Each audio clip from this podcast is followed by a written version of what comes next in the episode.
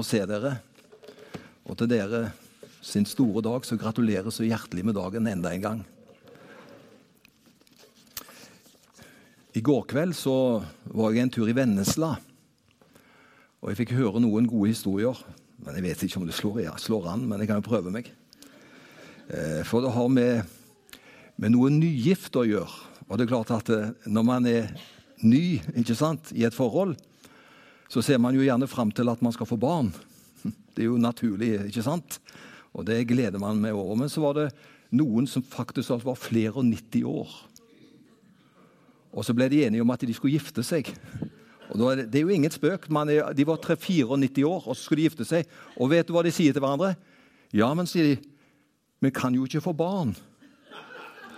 Men så sier hun, hun var veldig kreativ, ja, men det, det er så mange 70-åringer som har mista foreldrene. Så. så kanskje vi kan bli fosterforeldre for noen 70-åringer. For de har jo ikke foreldre.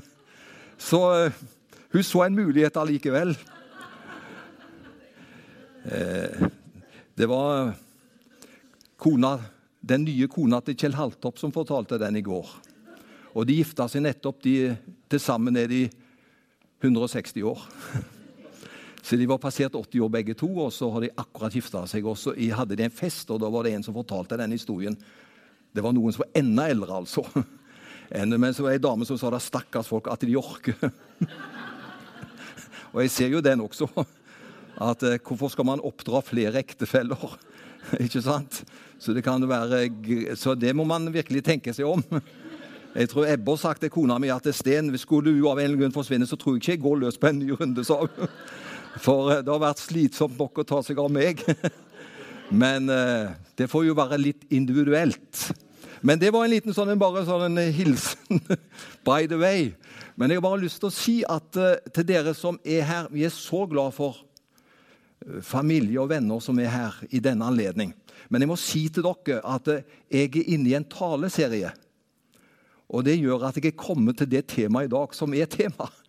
Så jeg har ikke tenkt på at jeg skulle kanskje lagt om fordi eh, det er en spesiell anledning. For det har vært tre søndager på rad hvor det har vært sånne spesielle anledninger. Og hvis jeg stadig skulle liksom ta hensyn til det, så blir det litt vanskelig. Så jeg har hatt en tråd som jeg har, og i dag er jeg kommet til det som er tema. Og det er først er overskriften på det jeg taler. I hele høst så har jeg tema å være en efterfølger efterfølgelse. Og Det er jo det det dreier seg om for oss kristne. Vi skal jo følge efter Jesus. Vi skal ikke følge etter folk. Vi skal liksom ikke mm, være beundringsverdige og, og glemme sans og samling og hekte oss på det ene og det andre. Det er ikke det det dreier seg om. Vi skal rett og slett følge Jesus. Og det er så godt, det er så trygt. For han er veien, sannheten og livet. Så det er efterfølgelse å være sammen med Jesus. Det er egentlig det det dreier seg om. Og så skal du få se det som er temaet i dag. Da. Det kommer fram i neste bilde. Det er å glede av å være en forvalter. Eh, og da er det det å efterfølges og være disippel. Det går ikke bare på skaperverket, men det går på skaperverket også. Men det går også litt på økonomi. Og du vet, i kirka her så har vi snakka veldig lite om økonomi. Du vet, I noen menigheter er de så tøffe på økonomien at vi sier 'pass på pengeboka di'. Eh, men det har ikke vi, altså. Jeg har, jeg har ikke snakket om økonomi. For det, det, det, får være en personlig sak hvor, hvor enkelt vurderer det innenfor Gud. Så, men i og med at eh, økonomi er også viktig fordi vi er ikke ei statskirke, så det betyr at eh, skal vi ha en virksomhet, så er vi avhengig av at mennesker tar ansvar og er med og gir. Og, og, det gjør vi med glede. Så dette med økonomi det er jo en viktig sak, og jeg skal si litt om det, for det passer inn i temaet ved å være en disippel. Det er også at eh, vi skal være forvaltere. Og Noe av det viktigste som Gud har gitt oss oppgaver av, det er å være en forvalter. Og det gjelder ikke bare penger, det. Det er en del av det, men det gjelder andre ting. og Jeg skal komme inn på det som Eli sa innledningsvis, at det, det har med også å være en forvalter i forhold til skaperverket som Gud har gitt oss. Men det å være en forvalter, det gir livet glede. Det å være en forvalter, det gir dybde, og det gir mening. Tenk om vi ikke fikk lov til å gi til andre. Forvalte noe og gi til andre. Tenk hvor fattig det var at vi kun hadde oss sjøl å tenke på. Men så er vi så heldige at vi kan være med å tenke på andre og være gode forvaltere for andre.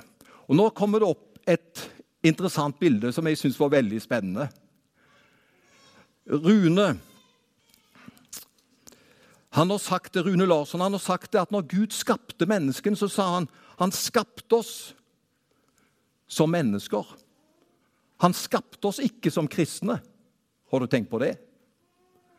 For Noen ganger så kan vi tenke at ja, når Gud skapte oss, så, så skapte han oss for at vi skulle være kristne. og at gjorde liksom, De som ble født, ble skapt som kristne. Det står ikke det. Vet du hva han gjorde? Han skapte oss som mennesker. Og Det er en interessant innfallsvinkel. For da har vi noe som alle mennesker på kloden er felles om. Det er at vi er mennesker som bor her. Og når Gud skapte menneskene, så skapte han oss for at vi skulle være her og få være til velsignelse. Så du ble ikke først og fremst skapt som en kristen. Men når Gud skapte deg, så skapte han deg som et menneske. Og så er det veldig fint at vi har barnedåp i dag. For vi ønsker jo så fort som mulig å, å løfte disse til Jesus, de som kommer. Men husk, det var først og fremst som mennesker Gud skapte oss. Og hvis du er enig i det, hva betyr det i ansvaret som vi har? Felles ansvar for denne kloden. Hva betyr det hvis vi alle er mennesker? Tenk om de som ble kristne, hoppa av og ikke tok ansvar. Da var jo det de andre som sto tilbake, og som måtte ta ansvaret. Men Gud skapte oss alle som mennesker. Derfor har vi alle et ansvar for det stedet som vi bor. Jeg vet at det er en del kristne som blir beskyldt for å være mindre, mindre opptatt av jordens miljøproblemer. Og faktisk talt det er til og med de som uh, bruker Skriften til å si at vi skal ikke bry oss om skaperverket. Og Nå skal jeg fortelle et, et skriftord som blir sitert. Det skal vise seg tegn i sol og måne og stjerner, og på jorden skal folkene bli grepet av angst og fortvilelse når hav og brenninger bruser. Og Så leser de et sånt skriftsted, lignende skriftsteder som forteller at det, før Jesus kommer igjen, så kommer hele jorden til å gå omtrent i oppløsning. Og det skal ikke vi gjøre noe for. Det er et endetidstegn, blir det sagt. Og samtidig som det er noen få som har den ekstreme oppfatningen at vi skal ikke bry oss av kloden vår. For jeg mener de som har den oppfatningen, de er ekstreme. Så er det mange som i motsatt fall er veldig opptatt av hvordan vi kan ta et godt forvalteransvar på jorda som vi bor på. Og de sier jorda vår har plutselig fått feber. Og Derfor er det inn å være opptatt av jordens ve og vel og menneskets forvalteransvar. Og så er det kommet noe bare de siste ti årene som var ukjent for oss i god tid før det. Det er noe som kalles et grønt skifte. Det finnes til og med grønne kirker. Hvorfor det? da? De fokuserer så sterkt på miljøet og forurensningen, og de vil ta et ansvar. Gud sa da han skapte menneskene Ikke da han skapte de kristne, men da han skapte menneskene, så sier Gud Legg jorden under dere. Hva mente Gud overfor alle mennesker på kloden da han sa Legg jorden under dere? Blir det ikke da et kunstig polarisering om man enten er opptatt av miljøet eller man er opptatt av Guds rike. Hvis de som bor rundt oss, har store bekymringer for at hvert år havner 6,4 millioner tonn, tonn søppel i verdens hav, og mellom 70 og 80% av dette er plast, ifølge Naturvernforbundet, skal vi bare da trekke på skuldrene av det? Men hør, i neste øyeblikk ønsker vi å nå disse med evangeliet? Kan vi forvente at de vil høre på oss når vi vil utfordre dem på evangeliet? Hvis ikke vi hører på det som er viktig for dem. Vi har alle et felles forvalteransvar. Skal vi ha omsorg for skaperverket? Den rike del av verden står for to tredjedeler av utslippene av klimagasser i atmosfæren. Derfor er det vi som først og fremst som tilhører den rike verden, som må gjøre noe med den krisen. Da Gud så skaperverket, alt det gode han hadde skapt, så sier han det var såre godt. Vi har et stort ansvar å være gode forvaltere av det som Gud har gitt oss. Og i dag så er dette skaperverket under angrep. Og vi høster det vi sår. Naturen slår tilbake. Å ikke bry seg om skaperverket, påstår jeg, er ubibelsk. Kan jeg få lov å prøve meg på en liten svak profeti for dere? Jeg sier det sånt i anførsel for at vi kan smile, for dette er Men jeg skal bare komme med en liten, sånn, en, liten ting som jeg tror. De neste 20 årene så blir det én sak som kommer til å trumfe alle saker politisk. Og det er det som har med miljøet vårt å gjøre. For det vokser opp en generasjon i dag som har fått overgitt i sine hender, de unge, den kloden som vi har, og de ser hvordan dette alarmerer. Og det gjør at jeg tror, om vi vil, om vi vil like det eller ikke, jeg liker det altså, så er det miljøorganisasjoner i dag som vil vokse. For det er ungdommer i dag som tenker jeg kan ikke ta et ansvar for denne kloden uten at jeg gjør noe. Og jeg skal en dag også ha barn og barnebarn. Og Derfor tror jeg det kan også bli en politisk uh, hva skal jeg si, omveltning i landet vårt. Og jeg tror de partier som vil ha størst framtid i dag, det er de som er bevisste på miljøet og på kloden. Fordi det er det som er den største utfordringen. Hva har vi om en stund hvis alt kollapser? Og Derfor tror jeg det blir andre. Det blir ikke den sånn klassisk tankegang som vi har hatt nå. Jeg tror, jeg håper vi kan møtes om 20 år, kan vi ikke gjøre det? Og så kan vi tenke hvordan ble det? Jeg tror en blir mer og mer opptatt av, for man skal jo ha et sted som man ikke bare skal ha, men som man skal gi til andre. Jeg hørte om en veldig flott bonde i går. Eh, da han var gammel, så sa han til barnebarnet sitt Han bodde forresten på Voss. Og så sa han det at eh, da jeg overtok denne gården og mine foreldre, så fikk jeg den sånn og sånn. Men jeg har bestemt meg for, han, jeg har gjort det. De som skal få denne gården i neste generasjon, skal få en bedre gård enn det jeg overtok. Og så sa han jeg har pløyd opp mye utemark og gjort det til innmark. Fordi hos meg så er tankegangen neste generasjon skal få noe bedre i sine hender enn det som jeg fikk. Og jeg tror det er en så god tankegang. Vi vet hva vi har fått, og vi takker Gud ikke sant, for hva vi har fått.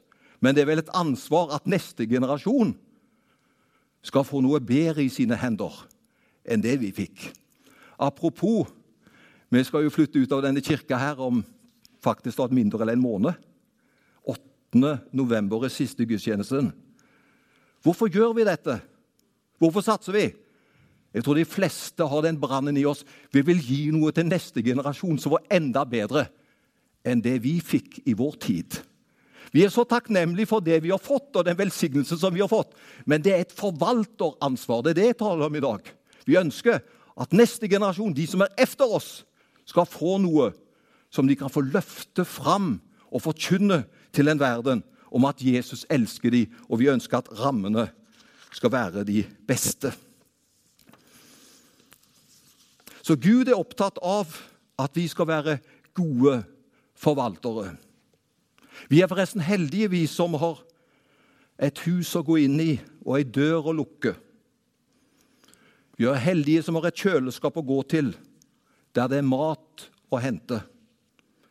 Vi er heldige som har en seng å gå til og en dyne å trekke over oss.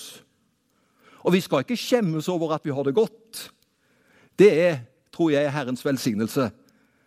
Det er den som gjør rik, men vi har et ansvar. Og dette må utfordre oss. Og da har vi snakket om vårt forhold til miljøet. Det er fordi vi er alle mennesker først og fremst. Dernest så jeg en kristen. Så det er så viktig at som mennesker så tar vi et ansvar for det har Gud satt oss til. Velsignet for å velsigne. Og når vi er kommet litt inn i penger, for Jeg har ikke kommet inn på penger ennå, i det? Nei. Så det blir ikke mye penger i dag heller. Men nå skal du høre, jeg skal komme litt inn på penger. Og Det står i første nei, første Timoteus brev. Første Timoteus brev, kapittel 6, vers 9 og i vers 10. Der er det noen som har sagt at eh, penger er roten til alt ondt. Da leser du det feil, og da leser du det fryktelig pessimistisk. Men vet du hva det står? Kjærlighet til penger er roten til alt ondt. Og det er en veldig forskjell det, på at penger er roten til alt ondt. Jeg vil heller si penger er til mye velsignelse. Tenk hvor mye glede vi har fordi det finnes penger. Og tenk hvor ille det er for de som ikke har det. Så penger er ikke roten til onde. Men kjærlighet til penger er roten til alt ondt. Og så blir det sagt noe nå, for nå er jeg jo blitt pastor i denne menigheten, her, så nå har jeg, liksom, nå har jeg litt bredere talerstol som pastor. Og Da vil jeg bare si det, så du skjønner hvor du har meg også henne. Vet du hva som Kirken er blitt også beskyldt for? Vi hakker på enkelte synder, og så lar vi de andre gå fri. Og ønsker den praksisen ønsker ikke jeg å stå for. Og det er noen i samfunnet som virkelig blir tatt i dag. Jeg trenger ikke nevne dem ved navn, men du skjønner det. Det er noen som virkelig blir tatt. Og det er liksom kunne tro i visse miljøer at det er hovedsaken for de kristne. Og da står det noe som vi bør tenke på. Når Jesus snakker om hva som er ille, så sier han at vet du hva som Jesus sier omtrent er det verste? Grådighet. Og vet du hva Jesus sier? Grådighet er verre enn hor. Og Da fikk du en liten stikk på, på en måte, hvilken retning jeg tenker på. For vi er så opptatt av det og det. Det må de holde seg klar. Men faktisk er det noe som vi, de fleste går under radaren. Det er grådighet. Det er kjærlighet til penger. Det er bare å karre til seg og karre til seg. Og Det er en utfordring som vi skal være på vakt for. For det ligger en liten materialist i oss alle sammen. Og det er vel et ordtak som heter at mye vil ha mer. Men vi har noe større å leve for enn bare disse materielle tingene. For de skal vi flytte fra allikevel en dag. Vi får ingenting med oss. Jeg er veldig glad for at det, all, det er full demokrati når vi dør. Da er alle like. Du får ingenting med deg. Da er det hva som vi har gjort av viktige verdier som vi kan legge igjen, og som kan være til velsignelse for andre. Jeg vet ikke hvor jeg er i manuset mitt, men eh, jeg kommer nok til noe skal jeg nevne dette siden jeg snakker om penger om tiende? da? Jeg har ikke nevnt det heller, for I Det gamle testamentet så er, så er tienden veldig klar. Der, der gav de tienden av det de tjente, og det de fikk av høst i, i det naturlige.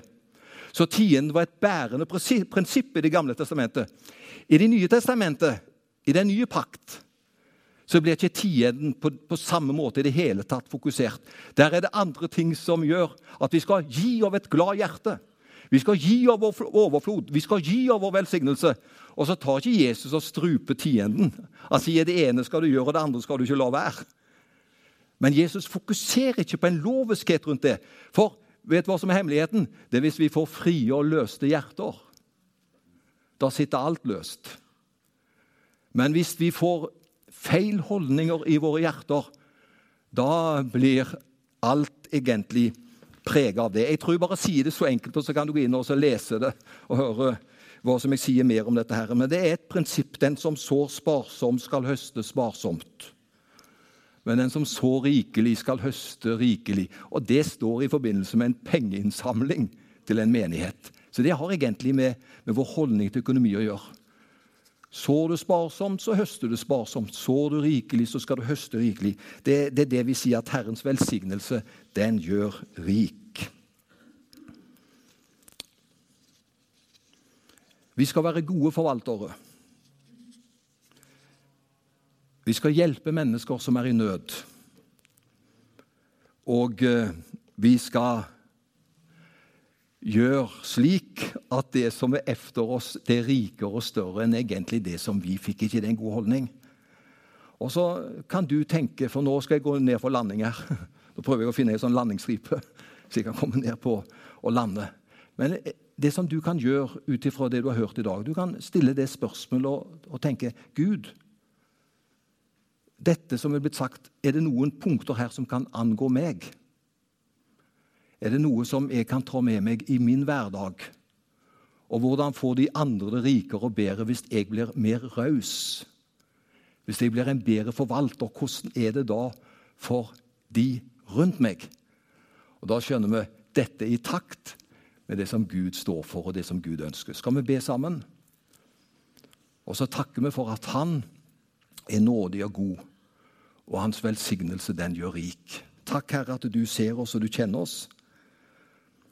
Og du vet om våre tanker, du vet om våre utfordringer. Men takk at vi kan fortjene deg med glede.